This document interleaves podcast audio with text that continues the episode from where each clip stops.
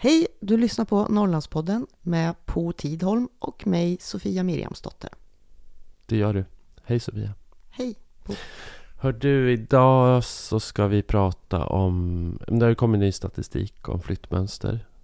Det måste vi ju säga någonting om, tänker Mm. jag. Det har vi pratat mycket om, men, men vi måste prata mer om det. Och särskilt om ditt hemlän. Ja, Ja, vi har ju faktiskt eh, lovat på Twitter att eh, Ja. nästa avsnitt ska handla om varför Västernorrland är sämst. ja. Mm, så det ska vi prata Mm, om. det, blir, det, det ska bli en rolig diskussion, tycker jag. Ja, Jag tycker det är också spännande. Eh, sen var det ett eh, Uppdrag granskning-avsnitt om eh, socialdemokratin, Sverigedemokraterna, facket, arbetarna. mm, Eh, som man kan bena lite i. Tycker det var väldigt bra och intressant. Det var väldigt intressant. Mm, så det ska vi prata om Mm. och så ska vi prata om, eh, det har ju tillsatts nu en sanningskommission Mm. eh, om hur svenska staten har behandlat eh, det samiska folket över tid och i nutid, vad jag Mm. förstår. Eller ska tillsättas. Nu har beslutet Ja, då, fattats i man alla har fall. beslutat Men att vem som ska tillsättas. leda det och sådär, det, det är nog inte klart va. Och sen har det ju eh, också eh, gjorts en uppgörelse. När vi bandar det här så har det gjorts en uppgörelse i alla fall mellan Centern och Socialdemokratin och Miljöpartiet om strandskyddet och, eh, och äganderätten i skogen som vi kan nämna lite grann. Och så blir det väl något eh, litet kulturtips. Ja, det vi brukar ha det alltså. Ja, Vi ja, får väl hitta Ja. på något.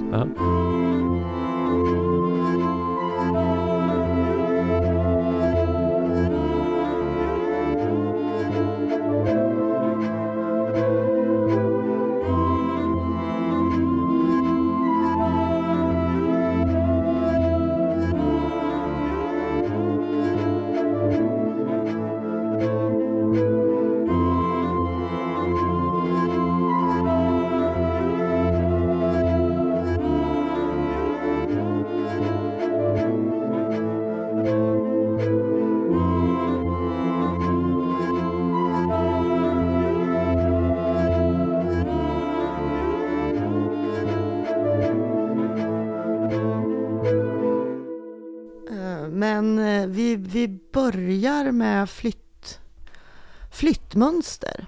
Eh, Där det, alltså vi har ju varit inne på det här Mm. redan för ett par år sedan. eh, När det syntes att det är fler som flyttar ut från Stockholm än som flyttar dit. Ja. Och det är en trend som bara fortsätter. Ja, och verkligen. blir mer och mer. Och har förstärkts av coronan Ja. eh, på alla sätt. Mm. Och, och nu har spritt sig också kan man ju säga. För att nu så har ju då väl alla län utom, eller regioner ska man ju då säga, eh, utom två i Sverige har ju ett positivt flyttnetto. Absolut. Eh, Och gissa om Västernorrland har det. Nej, men vi återkommer till Ja. det. Va?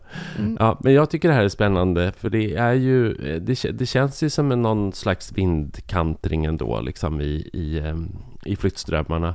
De här siffrorna för Stockholm ska man ju inte liksom överdriva betydelsen av så himla mycket tycker jag. Därför när man Ja, det får närstuderar... folk som flyttar från Stockholms kommun till kranskommunerna. Ja, I precis. väldigt stor utsträckning så är det ju så. Jo, Och det är ju även, det är ju inflyttning även från övriga landet till Ja, ja. kranskommunerna. mm.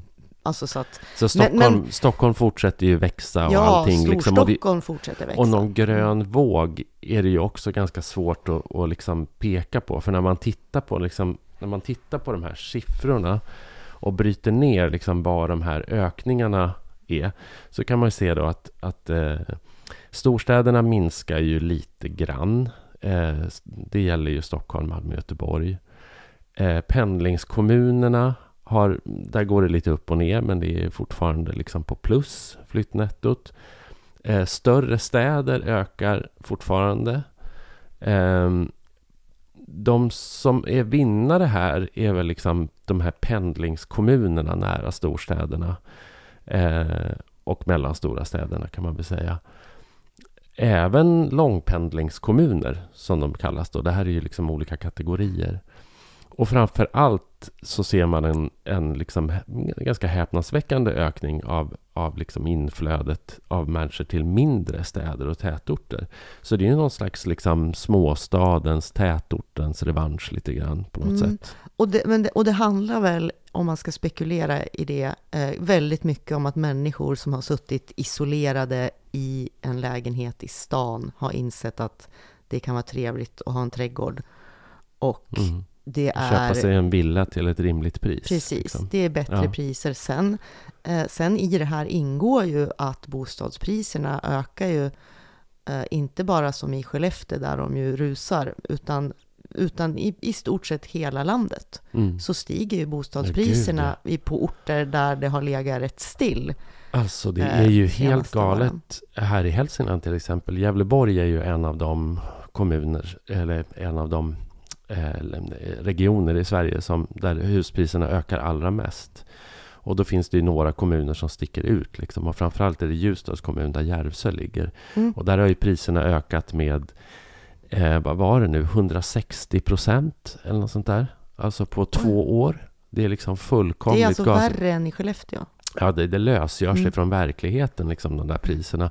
Och det får ju verkligen konkreta effekter. Och det är ju att de som växer upp i Järvsö och vill bo kvar måste ju då liksom konkurrera på husmarknaden med rätt liksom välbemedlade urbana människor som kanske då säljer en dyr bostadsrätt eller en dyr villa för att flytta dit. Mm. Och det här ligger ju också i linje med vad statistiken visar, därför att den absolut största vinnaren i, i alla kategorier, det är ju då den här kategorin som heter landsbygdskommun med besöksnäring. De har ju alltså haft en enorm, eh, ett enormt inflöde.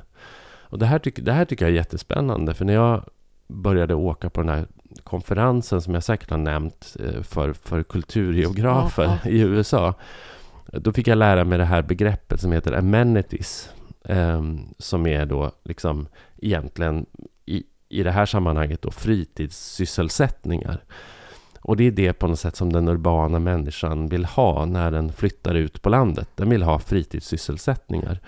Och, och jag vet inte om jag har berättat det i podden, men jag köpte en soffa i våras på Blocket. Det ehm, tror jag inte du har Nej, nämnt. Eh, men jag tyckte det var spännande. Jag köpte en soffa på Blocket och åkte ut på Värmdö utanför Stockholm och köpte en soffa av en snubbe som dagen efter skulle flytta och flyttlasset skulle gå. Det var bara soffan som stod kvar i villan. Eh, och han skulle då flytta till Åre eh, med sin familj. Och det intressanta var det han berättade och det var ju att de hade valt mellan Åre och Järvsö eh, som flyttorter. Och varför då, då? Jo, det var för att de båda gillade utförscykling. Ja. och där kan man ju verkligen se då liksom, jag menar, dels hade de ju kommit på båda två att ja, men vi kan ju jobba på distans. Eh, för det hade de ju gjort under pandemin. Eh, och då behöver vi inte bo här längre. Då kan vi bo någon annanstans och då kan vi förena nytta med nöje. Då kan vi jobba på distans och sen så kan vi ägna oss åt cykling. Liksom. Och då finns det två orter i Sverige som har liksom, ja, men, framstående anläggningar för bergscykling. Och det är Åre och det är Järvsö. Liksom. Intressant. Eller hur? Men en annan sak man kan fråga sig, alltså bortsett från då själva flyttstatistiken, så ren glesbygd mm. Eh, går är, ju, är det ju inte, ser det ju inte jättebra ut för. Och då Nej. ställer jag mig frågan, att bero på ökade huspriser, hur många storstadsbor, eller stadsbor för den delen, är det som köper ett hus eh, för året runt boende i glesbygd och bor så här halva året där, halva året där, kanske vintersäsongen i Åre, men mm. sen flyttar, alltså hur många är det som köper ett hus, driver upp priserna men inte skriver sig Exakt. på orten och inte betalar skatt där, där finns det nog en grå, liksom en grå zon tror jag. Mm. Eh, det, och det skulle vara intressant att titta på. Mm. Och där är väl fastighetspriserna är väl ändå en indikator på att det, att det händer. Och att det kan vara läge att liksom Eh, titta på skattesystemet och hur det är utformat. För det är, mm, jag menar, de kommuner som har den typen av då inte inflyttning, men, men liksom husköp, de missgynnas ju grovt i det här. Men det har väl också pratats mer och mer, eh, alltså föreslagits lite löst att, att eh, man ska kunna betala skatt del, delar av året, alltså om man har ett fritidshus i en ja. annan kommun till jo, exempel. Jo, det är många som har pratat Skulle, om länge. Vara, men... Jo, men det känns som att det är oftare nu som det kommer upp i, i debatten. Mm. Det skulle ju gynna en del platser som Åre och Gotland. Ja, mm. nu gynnas ju de ändå, just de platserna. Gotland har ju också ökat sin befolkning ganska mycket, eh, rätt rejält tror jag. Och det, där är det ju, där är det väl merparten tolkar det som, är ju sådana då som har nu flyttat till och skrivit sig på det som tidigare var fritidshus. Eh, så så de, de, får ju, de får ju mera skattepengar av det. Järvsö tror jag är tveksamt mm. faktiskt. Där är nog ganska många, alltså där är nog liksom det här de uppvridna huspriserna eh, reflekteras nog inte riktigt i skattebasen tror jag på det sättet. Nej, Järvsö känns också som en sån ort som ligger så pass lång, nära ändå eh, Stockholm. Ja, det är ju helgavstånd. Mm, alltså man kan ju eh, åka, man kan ju ha ett hus där och så kan man åka från Nacka liksom på fredag eftermiddagen och komma upp, käka middag, cykla i två dagar och sen åka hem liksom klockan tre på, på söndagen och vara hemma i Nacka till ja, kvällen. Liksom, ja. Och gå i skolan på någon privatskola och låna böcker på ett privatbibliotek. Mm. Mm. Lät jag bitter nu? Nej, det tycker jag inte. Nej. Jag tycker vi ändå bara konstaterar ja. att... Nej, men jag tycker ja. att det här är besvärligt. Det, alltså jag skulle säga liksom... så här, att även om... Eh, alltså det här, ja, fritidsboendet. Eh, det, alltså, även om de inte betalar skatt och sådär, så bidrar de ju ändå till viss ja, men efterfrågan på viss service, butiker, saker som om det inte är hypersäsongsbetonat, mm. eh, så gynnar det ju även fast så boende. Är det, ju. det är ju inte bara av ondo. Liksom. Nej, eh. nej, det är det ju inte. Och turistnäringen har ju liksom faktiskt... Eh, det är ju bättre med turistnäring än vindkraftsparker i det avseendet, kan man ju säga då. Mm. Liksom, för att vindkraftsparker är ju fullt möjliga att bygga med inhyrd arbetskraft och det ger liksom ganska små avtryck i den kommunala ekonomin. Men turismen har ju ändå ett avtryck i den kommunala ekonomin och de som ska serva de där personerna eh, måste ju ofta bo där permanent. Det funkar ju inte liksom. Särskilt när de här orterna då jag menar, en av anledningarna till att Åre och Järvsö växer är ju också därför att de har lyckats skapa fritidssysselsättningar året om. De är ju inte renodlade. Det finns ju, det finns ju en massa andra fjällorter Eh, men där man kanske bara kan åka skidor på vintern. De är ju inte lika intressanta att bo på på helårsbasis. Utan då blir det ju liksom säsongsvistelser och säsongsarbetare. På ett Men annat alltså sätt. det kryper i mig ganska mycket nu att gå över till ja. att prata om Västernorrland. Ja. Eh, där, därför att flera av de här flyttmönstren som du har nämnt nu mm stämmer inte där. Nej. Till exempel, folk flyttar till mindre städer och eh, ja, eh, men inte liksom riktigt ut på glesbygd eller, eller eh, platser med liksom besöksnäring. Eh, de ökar mm. och så vidare. Men har ni vidare. platser med besöksnäring? Men vänta, vänta. Ja. Eh, Västernorrland, eh, det finns två kommuner i Västernorrland som växer. Mm. Man skulle kunna tänka sig att det vore till exempel Sundsvall, mm. men det är det inte. Nej. Det är Örnsköldsvik, vilket i och för sig då passar in i det här mönstret. Men den andra kommunen är Ånge. Ja, det är ju mycket märkligt. Mm. Och det är ju då en, en verklig inlandskommun som har mm. långt till en större stad och som inte heller har någon direkt besöksnäring skulle jag säga. Så det, det stämmer liksom inte. Medan då Kramfors, som det går typ sämst för i Västernorrland, har ju hela Höga Kusten. Mm. Som de senaste åren och särskilt i pandemin har slagit besöksrekord på besöksrekord. Turistnäringen i Höga Kusten går ju spikrakt uppåt. Men det tycks inte påverka inflyttningen eh, det minsta. Sen finns det ju då eh, en kommun i Ångermanland som har då ett eh, positivt flyttnetto. Mm. Den krymper på grund av många som dör och få som föds. Men Ja. Sollefteå, Ja, men det dit förvånar inte är mig det fler jättemycket. som flyttar. Men det är också, och, och där vill jag också säga att där ska de ju nu göra en sån här downhill cykelbana Ja, ja, på okej. Hallstaberget. Så Ja. där kommer du både kunna cykla på sommaren och åka skidor på vintern och så. Mm. Men de växer väl förmodligen på grund av eh, det återuppståndna regementet. Men trots all negativ media angående BB-nedläggningen, Mm. sjukhuset och så vidare. Mm. Så det hajar jag ändå till. Tänk vad de ska jubla på regionen i Sundsvall då. När, de, Mm. när det blir så. Ja, men jag hajade ändå till för det. Men det var inte därför vi skulle prata om Västernorrland. Nej, men för du ställde ju en fråga på Twitter, eller hur? Mm. Ja. Eh, frågan var varför är Västernorrland sämst? Mm. Och det är ju såklart en definitionsfråga vad som är sämst. Mm. Men efter att ha jobbat då, eller verkat som eh, journalist i det här länet sedan 90-talet, så har jag ju upprepade gånger så när det kommer, det kommer statistik om precis allt möjligt från hälsa och inkomst och utbildning och ja, ekonomi, så ligger Västernorrland påfallande ofta i botten. Och då är det liksom bildningsnivå, hälsotal. Ja, bildningsnivå, hälsotal. Vi har också den äldsta befolkningen. Demografin ändras. Vi är liksom flest som flyttar Mm. ut. Ja, folk är sjuka, feta. Det är färst vegetarianer i Västernorrland. Ja. Eh, jämställdheten har halkat efter på olika sätt. Sen Mm. har jag tittat på de allra färskaste siffrorna när det gäller uttag av föräldraledighet så är vi i mitten. Mm. Vi är inte sämst. Dock har jag inte tittat på när den här papporna tar ut sin föräldraledighet, för det har i alla fall tidigare funnits tendenser att det sker under jaktsäsongen.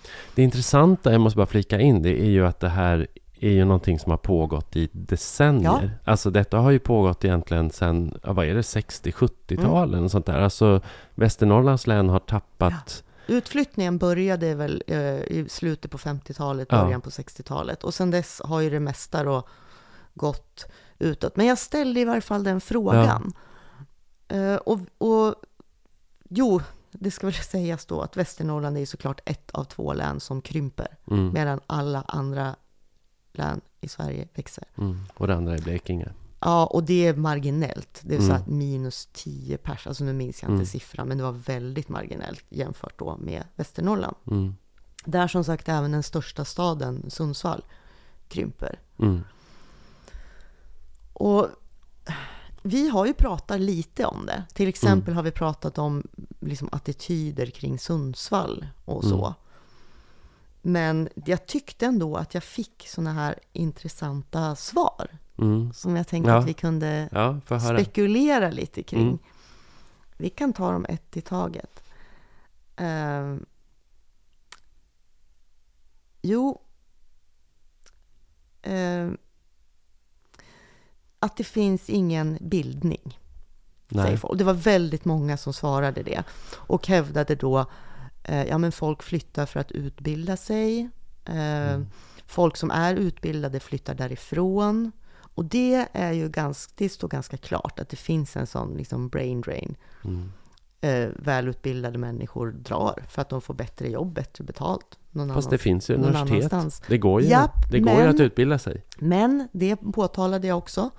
Men då är det så här, det är ganska nyligen som Mittuniversitetet Mm. blev ett universitet. Och det är ett universitet som inte har så jättegott renommé Nej, eller rykte. Nej, så är det ju. Ja. Eh, De har ju ett par utbildningar. Jag vet ju att till exempel journalistutbildningen på Mittuniversitetet är jättepopulär och Ja. superbra och sådär. Jo. Men det är väldigt enstaka exempel. Annars så är eh, det är liksom ingen utbildningsstad, Nej. även om den försöker. Mm. Men varför är det då inte det? Och då får alla, liksom, det var väldigt många som svarade. Industrimentaliteten. Mm. tänker men det finns ju massa orter som har det. Det finns ju så många platser i Sverige som har ja. industri. Men då kom ju liksom den här förklaringen. Jag, kommer inte, jag tror det var Jonas Sjöstedt kanske som, ja. som skrev det. Att, ja. ja. men att industrin i Sundsvall, alltså att den kom från ingenstans mm. och gick väldigt fort uppåt. Mm. Och sen så gick den väldigt fort neråt. Mm. Och att under den här tiden så, så var, var också då Västernorrland som ett ja, men invandringslän. Alltså att folk flyttade dit. Det mm. blev nybyggare, man behövde arbetskraft. Så att, så att det, man har liksom inte den här genuina kul, kulturen eller liksom identiteten. Nej. Men, och, men, men du... och då blir identiteten industrin, ja. eller liksom jobbet som man har flyttat dit för. Och Eh, ja, vad tänkte du säga? Nej, men jag, jag tänkte på det här med liksom, jag menar, egentligen är ju alla eh, industristäder idag är ju i någon mån postindustriella miljöer. Mm. Eh, och då har det ju liksom handlat om att lyckas med en slags eh, transformation från liksom renodlad industriort till någonting annat. Eh, och där har väl Sundsvall givetvis försökt. Jag menar, det, detsamma kan ju sägas gälla liksom andra orter i Norrland också. Piteå eller Luleå. De är ju också postindustriella orter. Men då kanske de har lyckats bättre än Sundsvall med att liksom bli, bli någonting annat. Mm. Eh, få fler strängar liksom på lutan. Men då är och, frågan om det beror på, om de har lyckats bättre, om det beror på att de har en annan genuin liksom, identitet eller trygghet i någon slags kultur långt tillbaka som ändå har, by har byggt på någonting annat än industri. Ja, precis. För, för att, för att det, det fanns också då någon som förklar, liksom utvecklade det här med att säga att ja, men i Sundsvall är folk bara vana vid att någon annan fixar allting. Mm. För, det har, ja, men för det har alltid funnits jobb. Mm. Du, du går ur liksom grundskolan eller eventuellt gymnasiet och sen får du jobb på en fabrik och allting är löst. Liksom. Så Sundsvall är som ett gigantiskt... Det finns liksom ingen entreprenörsanda. Det, är som ett inte... gigantiskt Ljusne som, som är referenspunkten på Hälsingekartan. Ja, men att det inte har funnits något behov av att liksom liksom lösa problemen själv. Fast det, det där vet i sjutton om det håller längre med tanke på att nedgången har pågått under så otroligt lång tid. Jag menar, det var ju, jag menar, det var ju väldigt länge sedan man kunde gå ut gymnasiet i Sundsvall och räkna med att man skulle få jobb på bruket. Liksom. Jag menar, då måste, då måste vi gå tillbaka flera decennier. Jag tror inte det Nej, men att det är den kulturen som har liksom satt sig i människor. Det, alltså det, det, jo, jag vi förstår. spekulerar ju bara nu. För, ja, att, för att det här är ju på riktigt en, ett jätte, tycker jag, eh, liksom konstigt. Ja. Att det fortsätter och fortsätter och fortsätter ja. att gå så dåligt för det här länet. Nu tänkte jag bara så att ta tillfället i akt, för det kom ju också fram att väldigt många hade ju ingen koll på Västernorrland. Nej. Vad är det? De visste inte ens Nej. att det fanns och blandade ihop det med Västerbotten ja. och så. Ja. Och sen varför heter det Väster när det ligger mm. i öster? Mm. Det är ju superenkelt. Mm. Det är för att det, det kommer ju från när eh, Finland och Sverige var samma land. Mm. Och på andra sidan havet då, där ligger Österbotten och Östernorrland i Finland. Ja. Och Västerbotten och Västernorrland i Sverige. Mm. Mm. Men Västernorrland är ju då ett eh, län som eh, sammansatt av landskapen Medelpad och Ångermanland. Mm. Där är framförallt Medelpad kanske också ett väldigt anonymt oh, landskap. Ja, mycket. Vem, vem vet någonting om Medelpad? Vad är det, vad är det ens? Eh, mm. och, eh, men här har jag en, eh, en annan då förklaring att bero på geografin här. Det är att det pågår och det här är ju, pågår ju i allra högsta grad fortfarande. En slags, eh, det finns ingen sammanhållning i Västernorrland. Det finns ingen västernorrländsk identitet. Det här har vi varit inne på mm. förut. Men det... Detsamma gäller i mitt län också för mm. övrigt som är sammansatt av Hälsingland och Gästrikland. Och det finns liksom ingen men då kan Verkligen jag ingen Gävleborgs dig. identitet heller. Men då kan jag glädja dig på om att Gävleborg och Västernorrland tävlar ju om den här botten, ja, bottenplatserna ja, ja. i all statistik. Så att, så att Det är ju lite Nej, men samma så är det där. absolut. Mm. Det kom till och med Gävleborgare och protesterade när jag påstod att Västernorrland är sämst. Ja. Och liksom, kan vi inte få vara bäst på att vara sämst åtminstone? Ja, och mitt hjärta måste jag ju säga klappar ju varmare då för liksom Hälsingland i förhållande till Gästrikland som har Gävle som, som är liksom, tycker jag, en likartad stad som Sundsvall på många sätt. Och det klappar ju väldigt mycket varmare för Ångermanland i förhållande till Medelpad. Mm. Så att det är liksom... Men med det sagt så handlar det ju inte heller om skillnaden i landskapen. Därför att även inom, kanske skulle, framförallt Ångermanland, människor som bor i Härnösand, de bryr sig väl inte om Övik? Eller Sollefteå? Nej, Nej, nej.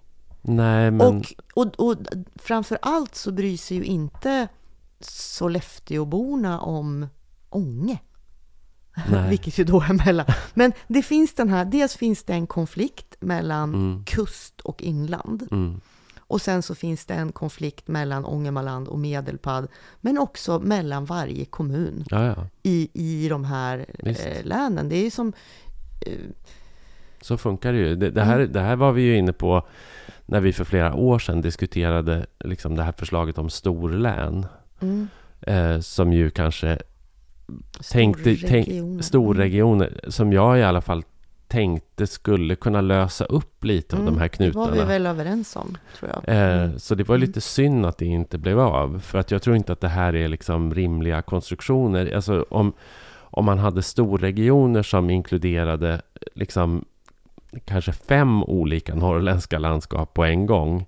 Så, så skulle det där bli liksom en irrelevant diskussion. Men nu blir det ju alltid på något sätt att om vi tittar på våra två respektive hemlän här då.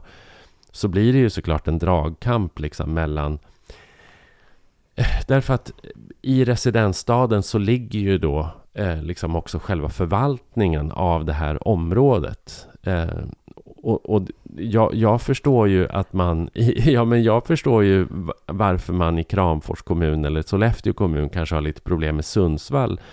Som ju då är liksom då inte residensstad. Nej, jag vet. Ja, förlåt. Det, det, det, I ert fall så är det komplext därför det är Härnösand. Men Härnösand har ju också avlövats väldigt mycket av Sundsvall. När man stängde ner universitetet där till exempel. Och, Mm. eh, så att Sund, jag vet inte, Härnösand får på något sätt...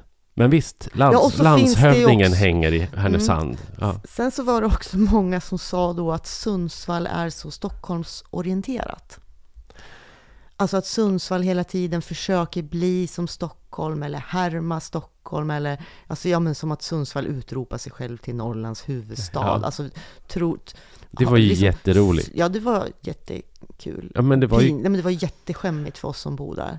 Det var ju kul för att det var liksom ingen som tog det på allvar. Och man, vill ju, man, man hade ju verkligen velat liksom prata med den där gruppen som gjorde det och tog fram de där trycksakerna. Och liksom, hur resonerade ni? Fanns det liksom någon kritisk röst i rummet? Var liksom, Ja, men de tror på det här tror jag.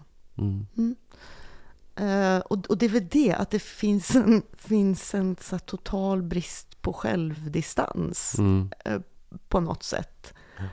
Ehm, ja, men den här, den här liksom inbördes konflikterna som ju då märks inte minst i regionpolitiken. mm, För där är det ju, det tjafsas ju därför att där, det finns ju alltså då tre sjukhus i det här länet. mm, I Örnsköldsvik, Sollefteå och i Sundsvall. Tidigare fanns det även ett i Härnösand mm, som ju lades ner mm, när det avlövades.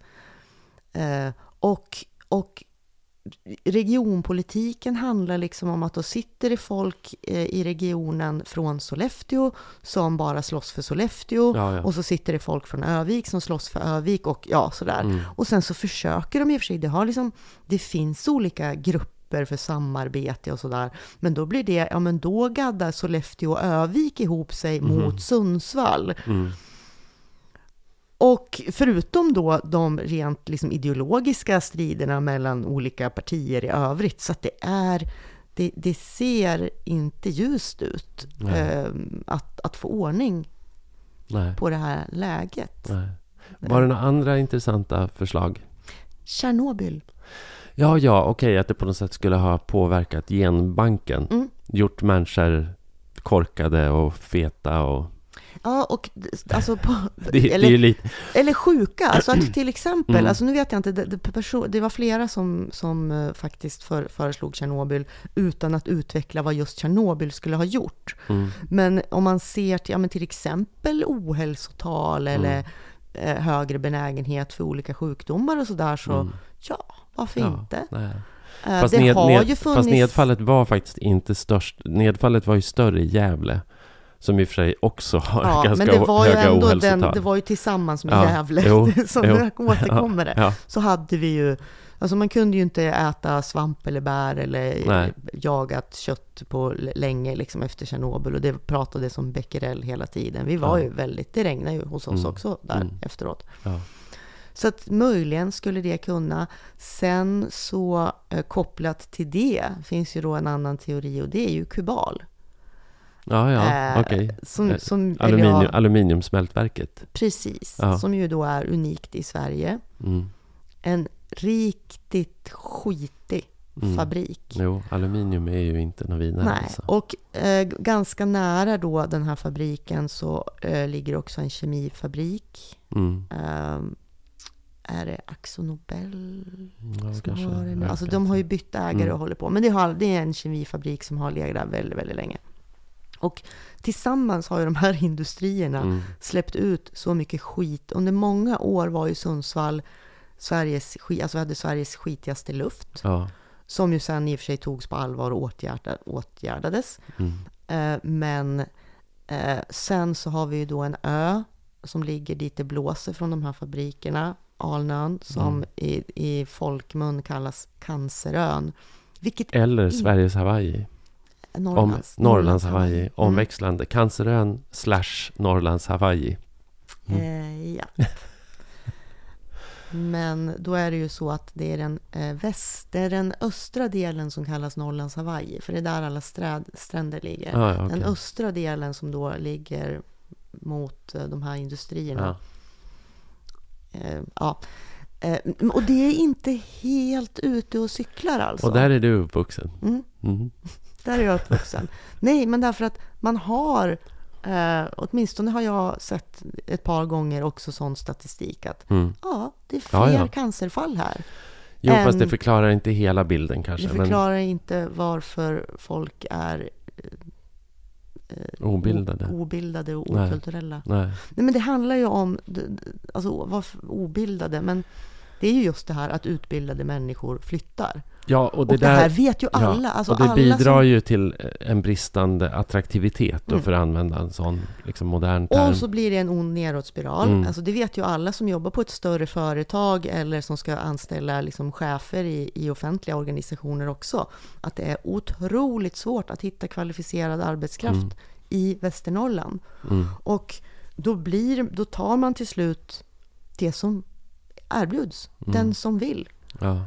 Uh, och så blir det en ond nedåtspiral. Mm. Sen har ni ju också, är det liksom öppet mål nu att säga vad som helst här? Ja, ja visst. Så har ni ju, alltså Stenstan är ju snygg, men den är ju inte trivsam direkt. Så, alltså Sundsvall är inte en supertrivsam stad. Och sen har ni inte en jättefin dialekt. Det. Men det finns många andra platser i det här landet ja. som inte har jättefin dialekt. Gävle har inte heller fin dialekt. Nej, Nej och, och det, det, ligger ju till och med i dialekten, det här att man låter lite korkad. Ja. Man, låt, man låter ju lite dum. Mm. Uh, tycker du själv att du... Ja, det tycker jag. Ja. Uh, och sen har ju jag lite olika nivåer. Alltså beroende mm. på vem jag pratar med och i vilket sammanhang mm. och Men kan du bre på liksom med sönsvälsk? Alltså jag är ganska dålig på att göra det på kommando. Ja. Men jag gör det ibland om jag är upprörd eller superengagerad mm. eller pratar med andra som pratar så. Mm. Uh, men, men sen, alltså jag pratar just nu så hör man ju att jag kommer från Sundsvall och det ja, låter det, inte smart. Nej, men... Man låter lite dum i huvudet, som man säger i Sundsvall. Och det, och det är inte... Nej, men jag kommer ihåg när jag var, när jag var tonåring. Jag hade ju kompis, eh, lite äldre kompisgäng sådär som flyttade åt olika håll och kanter. Och, och, vissa flyttade till Gävle, någon flyttade till Uppsala. Och, men ett par flyttade också till Sundsvall. Så att jag liksom var ju en del i Sundsvall då på 80-talet. Och det, det slog mig ju verkligen då, alltså redan som tonåring, vilket otroligt liksom hårt klimat det var på något sätt. Att det, jag upplevde det som att liksom, ja, men här har man verkligen kommit till en industristad liksom med, med där, där liksom vanliga ungdomar är kriminella och involverade i saker och knarkar och liksom eh, att det var och, på ett helt annat sätt än det jag stötte på om jag åkte liksom och hälsade på kompisarna i Gävle eller kompisarna i, i mm. Uppsala Fast eller i Östersund eller så. Det, jag, jag, upplevde det verkligen som en... Och, och på den tiden så visste jag ju ingenting. Det var ju bara, det var ju bara en ren känslomässig upplevelse. Fast, fast om jag då ska komma med en känslomässig upplevelse, eller spekulation här nu, så när det gäller just eh, ja, men, kriminalitet eller liksom mycket droger bland unga och sådana saker, så har jag ett intryck av att det har blivit bättre. Och ja, alltså det tror jag är, också. Ja, men till exempel nu har de ju i Gävle har de Men haft håller du flera, med om den bilden på 80-talet? har de haft, ja kanske lite. För, jag hade ju inget att jämföra med på 80-talet, för jag levde ju i, jag växte ju upp. Däremot kan jag ju kanske, när du säger det, när jag pratar med jämnåriga från andra platser, mm. att jag inser att ja, det kanske var en del som var lite mm. hårt. Sådär. Men, men just nu så har ju Gävle haft flera skjutningar sista månaderna. Mm. Det finns ju knappt i Sundsvall. Nej, eh, eller, eller resten av länet. Ja, det finns kriminalitet. Mm. Men den är ju inte alls jämförbar. Alltså vi har till exempel inte heller några av polisen utsatta områden. Nej. Eh, Nej, alltihop är... ett utsatt område istället. på, på, på, I ett annat perspektiv. Ja. Men, men eh, om vi ska gå vidare till den här Twitter-diskussionen, mm, ja. så pratades det ju även väldigt mycket om, det finns ju också då statistik på att det finns ju inga som är så dåliga på att cykla, alltså i, när det gäller... Eh, nej, nej. I, i, Folk tar bilen. Folk tar bilen, precis. Mm. Det är, folk cyklar inte i Västernorrland. Och då tänker jag så här spontant, men hallå, det ligger i Norrland, det är kallt på vintern. Jag har mm. jättesvårt själv mm. att förstå vintercyklare. Ja. Men uppenbarligen så funkar det i, i Norrbotten ja, ja. och Västerbotten. Så varför inte i Västernorrland? Nej.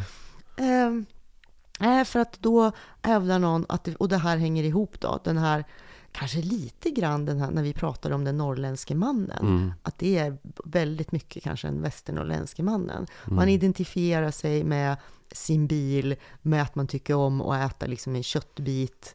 Mm. Eh, grönsaker är något pynt som man petar bort från tallriken. Mm. Och man är liksom en, en riktig kar sådär.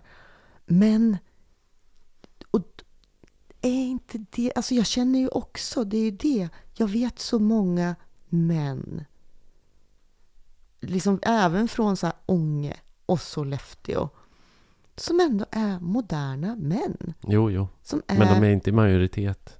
Nej, men det, ja.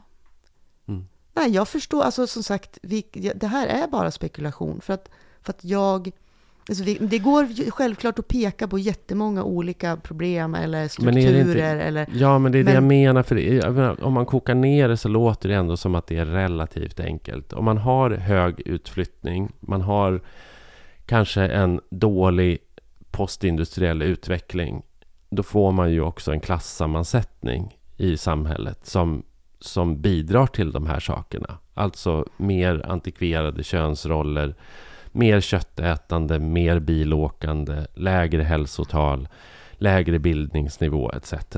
Men ska jag berätta en sak som är positivt i ja, Västernorrland? Ja. Jag har jättelåga självmordstal. Ja, det... Vilket också gör att det blir så konstigt. Eftersom vilka är det som tar livet av sig främst? Jo, jo. jo det är äldre män. Mm. Och det är inte sällan kanske den här typen av man som, som nej, vi just diskuterade, mm. som det då finns ganska många av i Västernorrland. Mm. Men uppenbarligen mår de inte så dåligt så att de tar nej. livet av sig. Nej.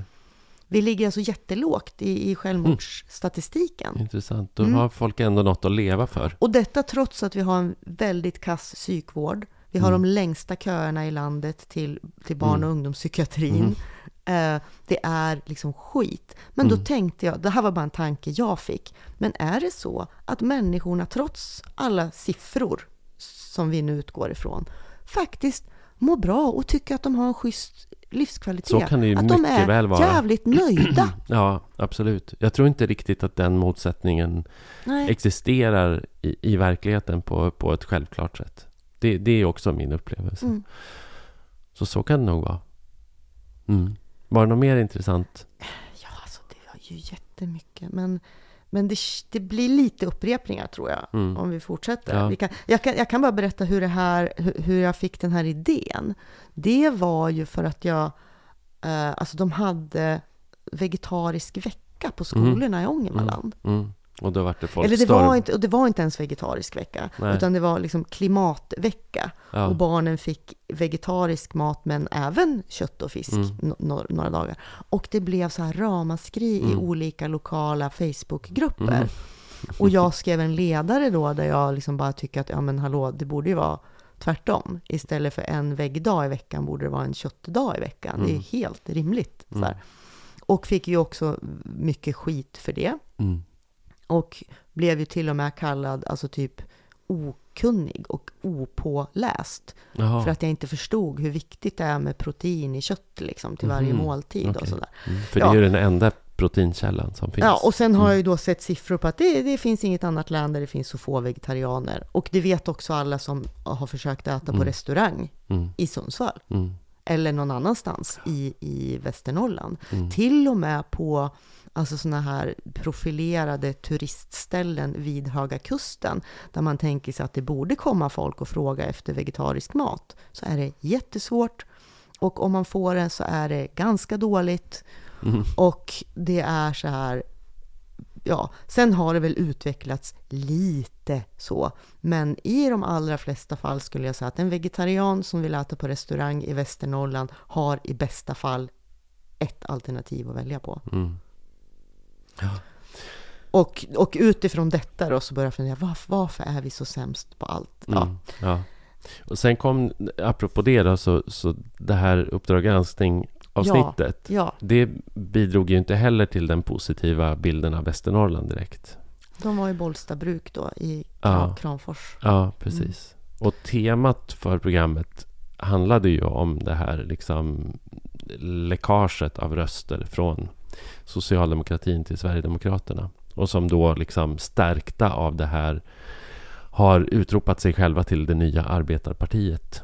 Mm. Vilket ju är eh, faktiskt fel. Eh, det går ju liksom inte att hävda. I varje omröstning i parlamentet som de har haft chans att rösta för stärkta rättigheter eller höjda löner eller mer trygghet till arbetare så har de röstat nej. Nej, alltså det enda man Så- kan säga, alltså så man, det man, kan man ju liksom... det man kan ändå- säga är ju ändå vad Uppdrag granskning ändå handlade väldigt mycket om, nämligen facklig aktivitet, Mm. alltså fackligt engagemang Mm. och att ja, de är väl det nya arbetarpartiet så tillvida att väldigt många arbetare röstar på dem.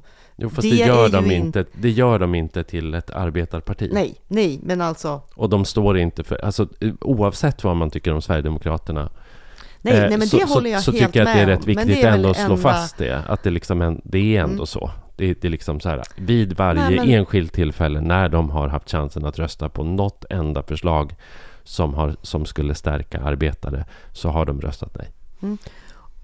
Och, eh, men, men de, de är ju folkliga. De är, har, du, har du sett korv, Jimmys korvturné? Ja. Den är häpnadsväckande. ja. Det har varit häpnadsväckande långa köer av människor. Han åker runt och bjuder på korv. Ja, Mm. ja. ja. Det, det då ska vara den korven eh, som han gav till Stefan Löfven. På Stefan Mhm. Löfvens avtackning Okej. så gav han ju Det Stefan är Löfven korv. fullkomligt hämningslös populism, måste Mm. man ju säga. Mm. Blanda in korv. Eh, ja, nej men programmet i övrigt då, det handlade ju om det här. Eh, jag, eh, du skrev om det och jag skrev om det därför att min då socialdemokratiska kollega Jonas Bergström, som vi har pratat Mm. om förra avsnittet också, han var, när han såg det här programmet, då blev han förbannad på SVT. Mm.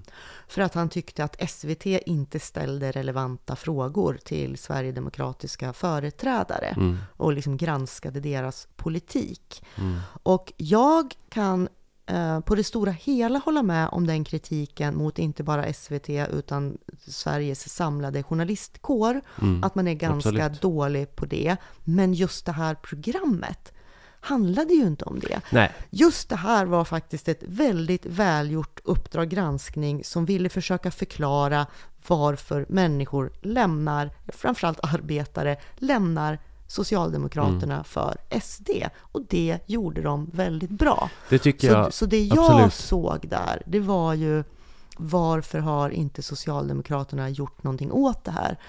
Eh, var, ja, eller ja, nu vet vi kanske varför de inte har det. Men, men det var ändå den här totala blindheten kände jag att gå på SVT istället för liksom lite självrannsakan. Eh, mm. Jo, från, jo, från Socialdemokraterna. Ja, ja, och, och, det är inte bara Jonas, utan det tycker jag kommer från sossarna hela tiden. Ja, ja, men han, din kollega i all ära, men han har ju en liten partist i sig. Som, men han är, som... ju parti, han är ju partist. Det är ingen hemlighet. Nej. Nej. Ja, fast det är ju ändå ett skällsord att vara partist. ja, men, men det kan också vara ett faktum. Ja, om någon kallar dig liberalpartist, du skulle ju inte bli glad.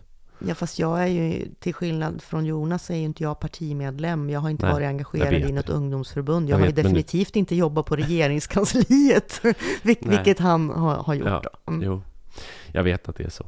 Men eh, det var ju ett svårsmält program också, tycker jag. För det var ju liksom... Men det började ju med en intervju med en man som hade varit socialdemokrat.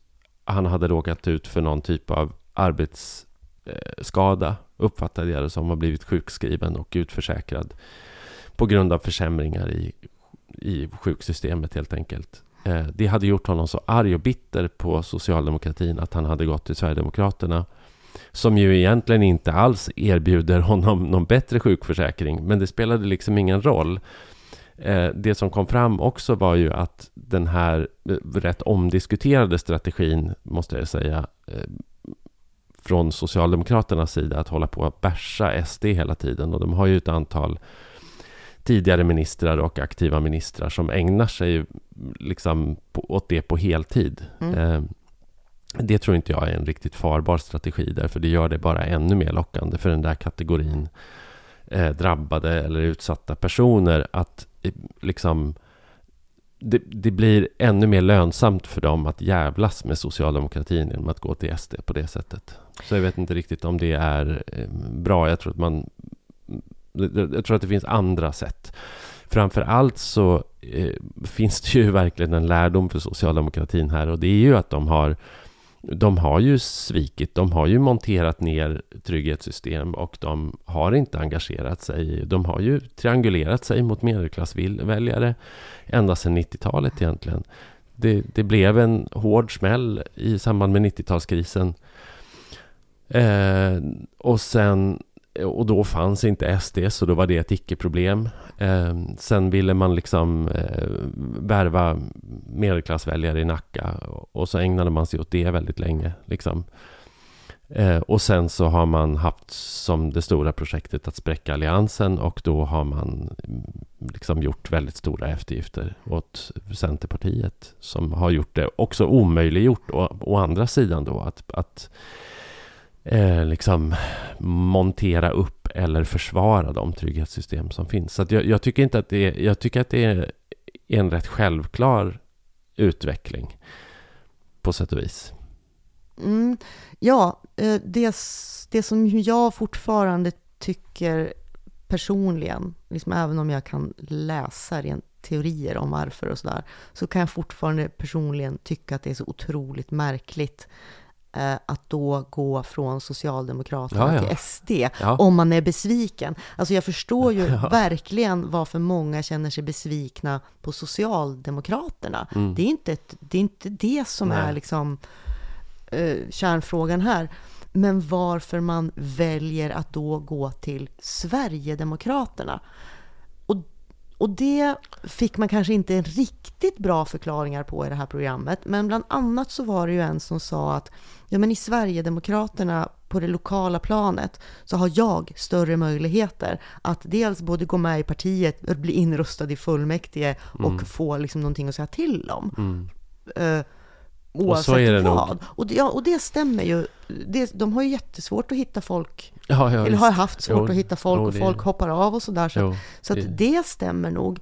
Men annars... Men, men jag tänker också att, att jag menar, det, man ska ju inte sticka under stol. Alltså, dels så blir man ju lite cynisk när man tittar på det där programmet för att det Folk har inte jättebrighta, genomtänkta ideologiska förklaringar till sina val. Eh, utan utan det, är, det är mycket revolt och en hel del okunskap som, som ligger bakom valen till att börja med. Och sen så är det ju hela liksom frågan om migration. Och som jag... Alltså där, är, där, där man ändå måste säga att det finns en... Det finns en fullkomligt legitim kritik mot systemen, för, alltså systemen när det kommer till arbetskraftsinvandring. Eh, och där man nog kan tänka sig faktiskt att, att många har påverkats av det i de här sektorerna. Det är en hel del jobb som utförs av, av liksom baltisk arbetskraft mm. eller av rumänska lastbilschaufförer. Eh, och framförallt så har löneutvecklingen inte liksom varit särskilt positiv därför att eh, arbetsgivarna har kunnat använda arbetskraftsinvandring som, ja, som, som, som hävstång i, i, i löneförhandlingar helt enkelt och i lönebildning. Absolut. Det här har ju Sverigedemokraterna utnyttjat och blandat ihop mm. med migrationsfrågan. Precis, eh, och det är ju det, för att det är ju inte de invandrarna Nej. Det är ju inte arbetskraftsinvandrarna som, som den stora samhällsdebatten handlar om.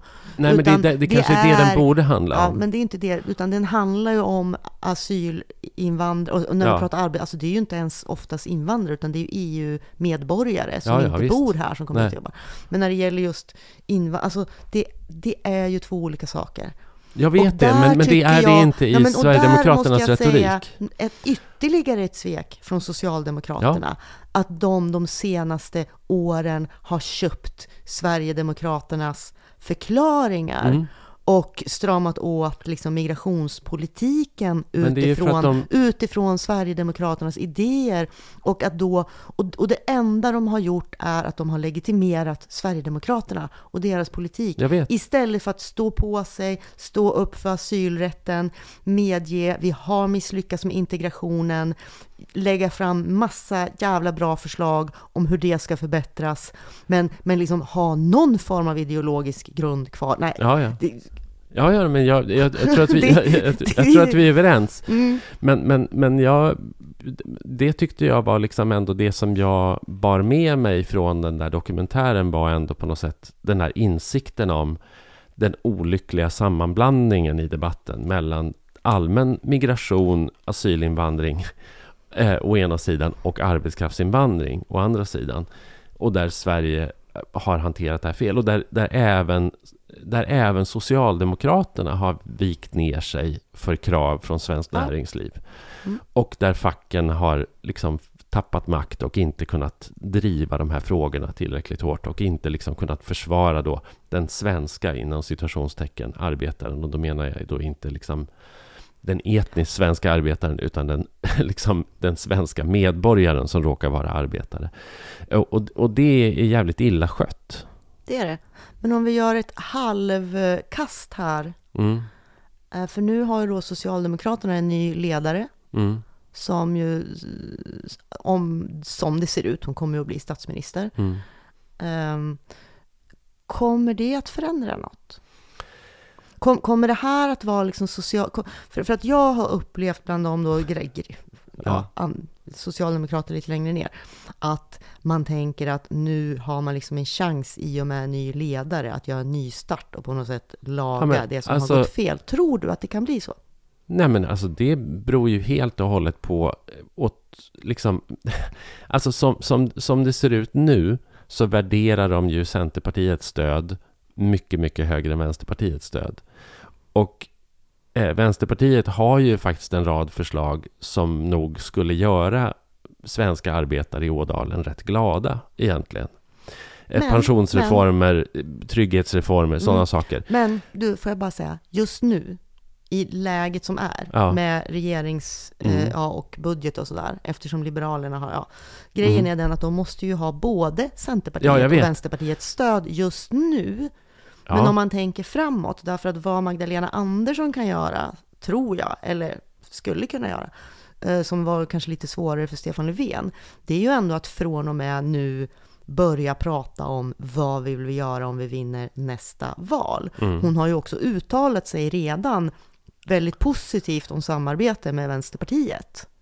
Och sen har jag funderat på det här, nämligen om det för Centerpartiet. För nu har ju, alltså Centerpartiet har ju varit jättetjuriga förut med att, med att eh, inte, att regeringen inte får samarbeta med Vänsterpartiet om de ska det få stöd från Centerpartiet. Är de så tydliga med det? Jo, för nu, har de ju, nu har de ju, men vänta, nu har de sagt att vi släpper igenom den här regeringen för nu har vi fått som vi vill med strandskyddet och skogen.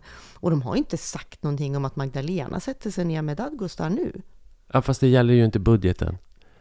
Nej, men... Alltså så här, om, men, om Malena börjar förhandla delar av budgeten med Vänsterpartiet, då kommer Centerpartiet rösta nej. Det beskedet är rätt tydligt. Men, och, och, och, det är ju där de viktiga sakerna händer. Alltså de här eftergifterna i, i statsministeromröstningen de är ju i någon mån lite symboliska. Sen ska det där ändå in i, liksom, sen ska mm. det där ändå ja, in ska... i budgetar som, som både Vänsterpartiet och Centerpartiet helst kräver att för förhandla Och där mm. Socialdemokraterna egentligen då tycker att Vänsterpartiet bara ska tugga i sig och acceptera och rösta ja till, eh, men Centerpartiet ska vara, få vara med och förhandla. Eh, och, mm. och det är ju där, det är här det absurda uppstår. Mm, men det jag tänkte komma till, ja. som var lite min poäng. Och, och det kanske bara är liksom att jag hoppas det här. Det, det kanske är jätteorealistiskt. Men att Centerpartiet hade ju inför valet lovat att aldrig vara något stödhjul till Stefan Löfven mm. och så vidare. Uh, sen blev den parlamentariska situationen som den blev. Mm. Och så har de ju blivit det. Ja. Uh, och det har trots allt gått ganska bra. Alltså inom partiet. Annie Lööf är fortfarande populär. Hon har stöd.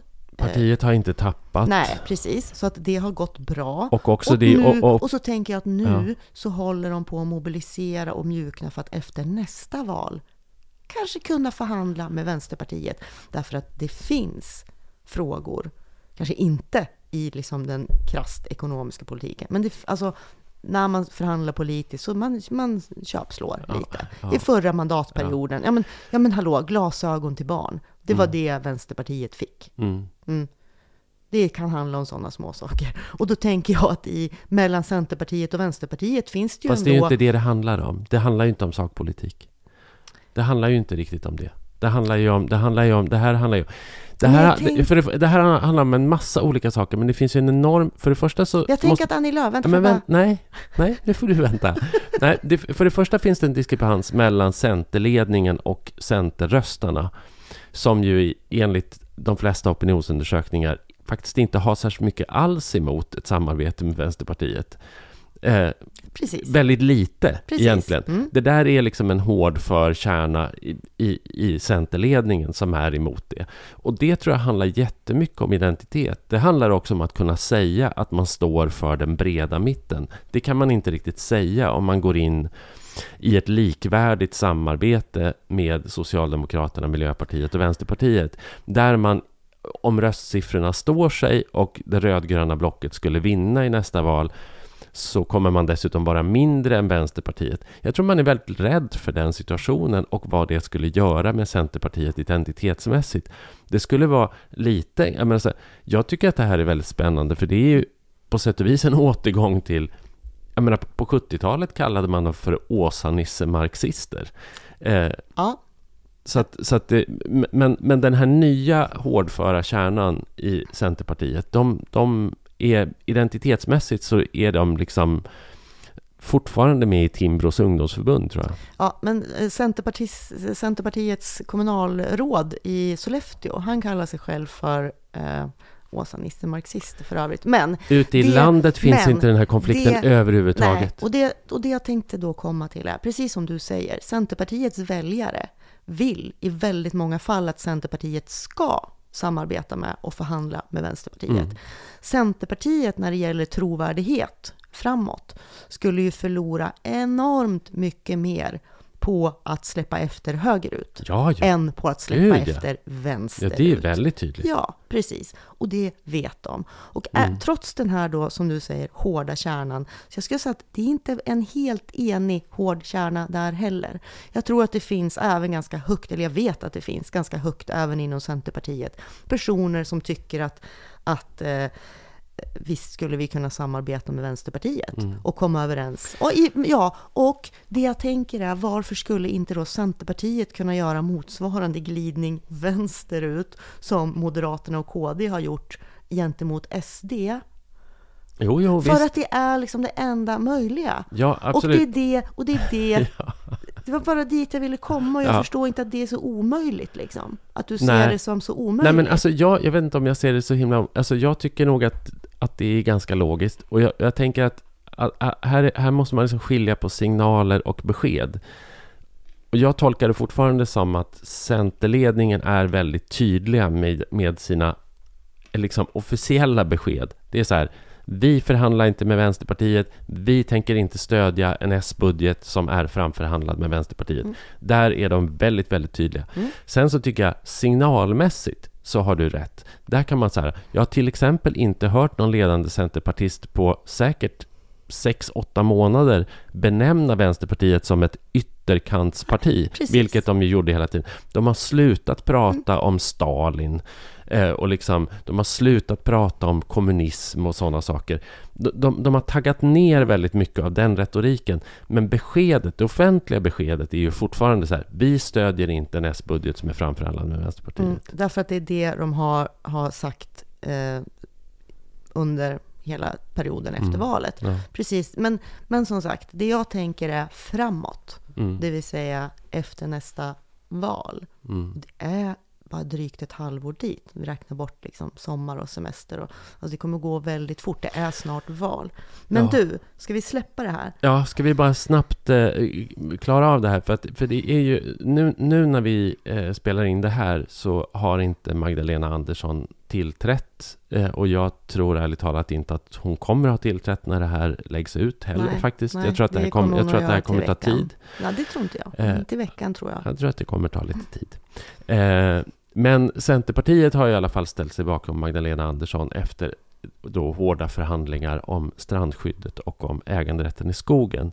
Och det här är ju intressant för det är nästan omöjligt att eh, utläsa vem som har vunnit eller förlorat Mm. eh, på de här förhandlingarna därför att Miljöpartiet, alltså så här, man kallade inte till någon gemensam presskonferens där man förklarade vad de här uppgörelserna gick ut på, utan istället så bombarderades eh, liksom väljarna och medborgarna på sociala medier med olika triumfatoriska liksom, eh, memes från eh, Miljöpartiet respektive Centerpartiet där båda utropade sig till solklara vinnare i förhandlingarna. Mm.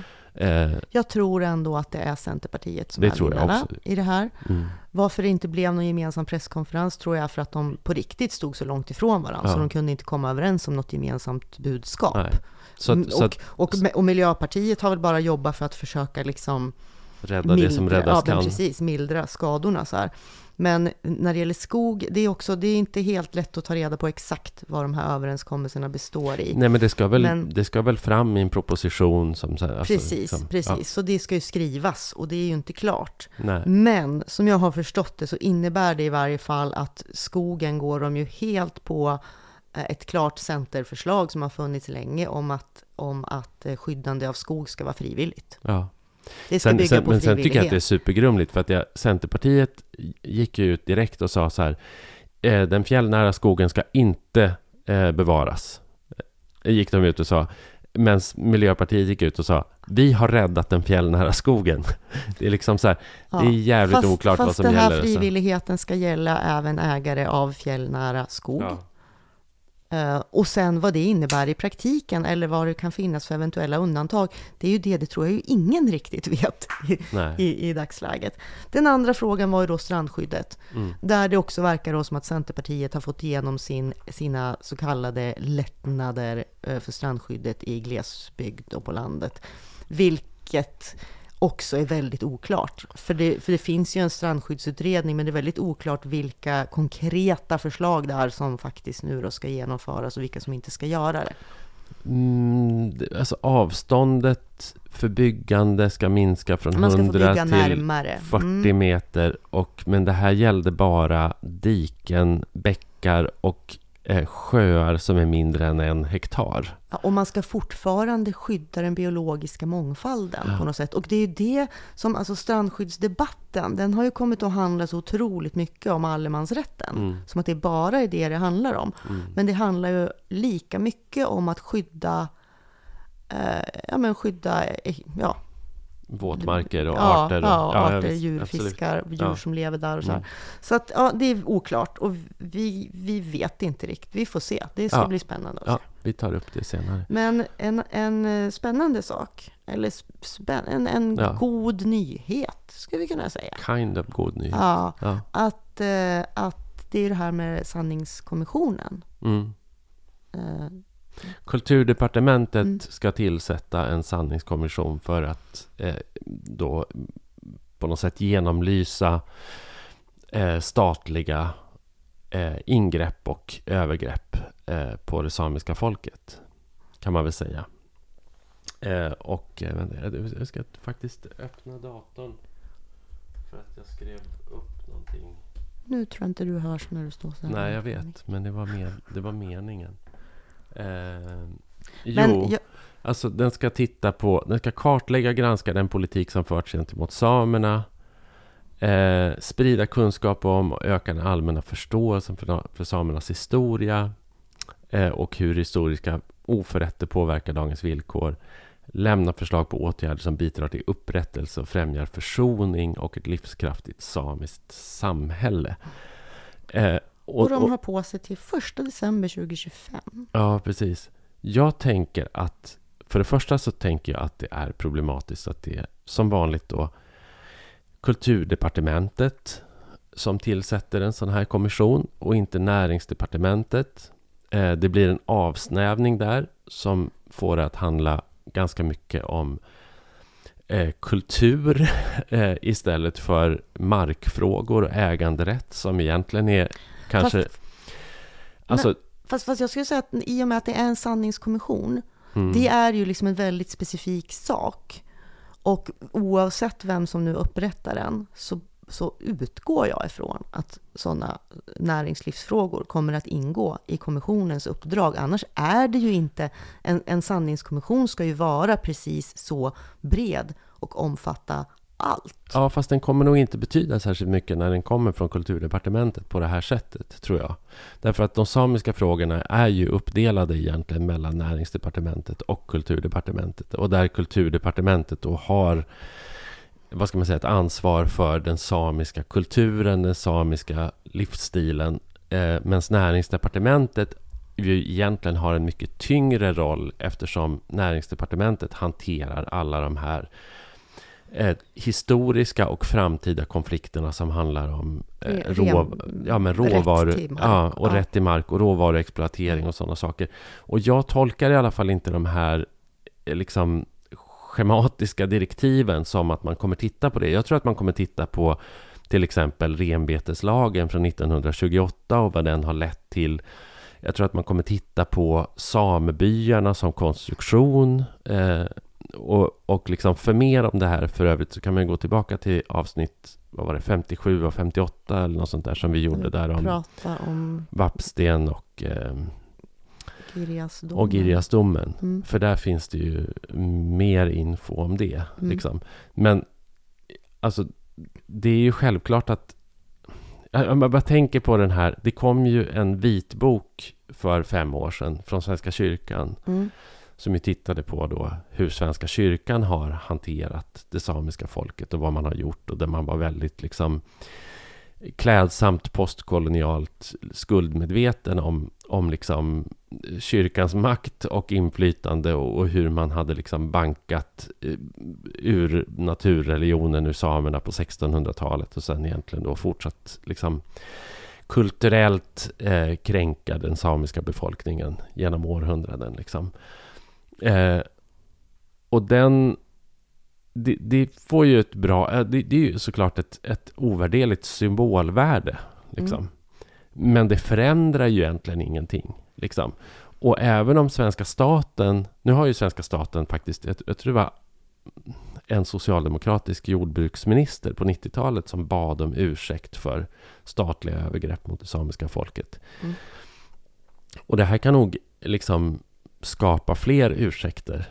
Men vet 17 om det egentligen kan förändra särskilt mycket framåt så länge man inte tittar på eh, markfrågor, äganderättsfrågor och ratificerar ILO-konventionen om folk, om, om liksom... Ja. Där tycker jag ändå att man kan försöka ta fasta på den här sista punkten i uppdraget som du läste upp. Alltså ja. att lämna förslag på åtgärder som bidrar till upprättelse och främjar försoning och ett livskraftigt samiskt samhälle. Ja, fast allt det där kan också tolkas som kulturfrågor, eh, tänker jag, om jag ska vara eh, negativ. Liksom. Att upprättelse och försoning, det är ju liksom i någon mån eteriska kvaliteter. Eh, och ett livskraftigt samiskt samhälle kan ju också vara ett livskraftigt kulturellt samiskt samhälle snarare än ett, ett liksom livskraftigt samhälle. Ja. Har, har, du hört någon, alltså för det enda jag har hört från så att säga samernas och Sametingets kommentarer till det här, för det är de som har drivit mm. frågan och väl, länge. Ja. I Norge finns, där, där tillsatte de en sån här konvention 2018 mm. som ska vara klara nästa år. Så det, det, känns ju senfärdigt. Ja, ja. Eh, I, I Sverige, verkligen. Men eh, jag har bara hört och sett positiva reaktioner. Har mm. du sett någon som typ är skeptisk på det här sättet som du formulerar nu? Eller är det så att, Nej, att, man, är så van, att man är så van att bli så styrmoderligt behandlad så att man är tacksam för varje, varje liten grej man får? Eller? Det, ja, men kanske. Men, men, jag tror att man kanske försöker se det positivt. Liksom sådär att det här är ändå ett, det här är ändå ett steg på vägen. Liksom, och, och det här kanske ens, liksom, kan leda framåt. Mm. Och, och i bästa fall så har du rätt också att det här också visar på kopplingen mellan, mellan liksom de samiska näringarna och, och, och liksom den samiska kulturen. Ja, det är de, ju väldigt det samman, ju det är ju sammanflätat. Du kan, alltså det är det jag tänker. Det är väldigt, väldigt svårt att på något sätt utreda det ena utan att ta med det andra. Det, det är nästan... Jag tror att det är fullt möjligt för staten att, att göra en utredning där man utreder det mm, ena men inte det andra. Fast det här är ju inte i, i vanlig bemärkelse en statlig utredning utan en sanningskommission. Och det är det jag menar, att tyngden av att man faktiskt kallar det och gör en, en kommission mm. och inte en vanlig statlig utredning. Det är det jag tror är skillnaden här. Ja. Faktiskt. Uh, men vi får se. Jag vet kan vi säga det? Vi får, ja, vi, ja, får vi får se. Vi får ja, se vem som får mm, rätt här. Ja, och, och, och, och, man kan återkomma också när, när man vet vilken, liksom vilka det är som ska sit, sitta i den här kommissionen. För det kan ju för vara kan, intressant. och även fullständiga direktiv. Liksom. Ja, jo, men, men absolut nu vill jag att, ha ett kulturtips av dig. Ja. Jo, men jag var på i veckan här så var jag på Andreas Mattssons eh, release för hans nya skiva. Eh, du vet vem han är? Andreas Mattsson från ja. Popsicle? Ja, eh, ja, precis. Ja. han är ju snart aktuell också som, som deltagare i Så mycket bättre. Mm. Eh, men framförallt så gör han ju soloskivor nu för tiden Popsicle finns ju också. De spelar väl liksom någon gång då och då. Mm. Men han gör ju soloskivor och numera på svenska. Och jag tycker han är en sån fantastisk textförfattare. Alltså himla, himla skicklig med det svenska språket. Det varenda ord ligger så rätt och, och det skaver aldrig och det är så minimalistiskt och så enkelt och han får fram så himla mycket i, i sina texter. Så jag det jag har liksom hört är... från det här är ju jättefint. Ja. Du har ju spelat det för mig. Ja. Ja, så att jag tycker det är fint. Så jag tänker att vi skulle kunna sluta med, med en låt mm. av Andreas Mattsson. Eh, som jag tror handlar om när hans mamma dog. Eh, som bodde i Piteå. Som jag har träffat. Hon kom någon gång när jag föreläste på... tror att det var ett ställe som hette Café Leopard kanske. Som drevs av... Eh, Ja, som drevs av Ronny Eriksson. Mm. Och då kom hon dit och lyssnade och då hälsade jag på henne. Eh, så att jag tycker vi lyssnar på det. Det gör vi. Skymning, kvällen väntar. Det blev ganska bra idag. Du var trött men inte ledsen. Gled iväg men kom tillbaks. Snön föll över skogen. Ljusa fläckar i det grå. Hon i sängen mittemot dig pratar tyst i telefon. Sa tror inte jag kommer att leva länge till. Jag frågade är du rädd och du sa nej. Jag ligger här och tänker och jag vet att kvällen väntar på mig.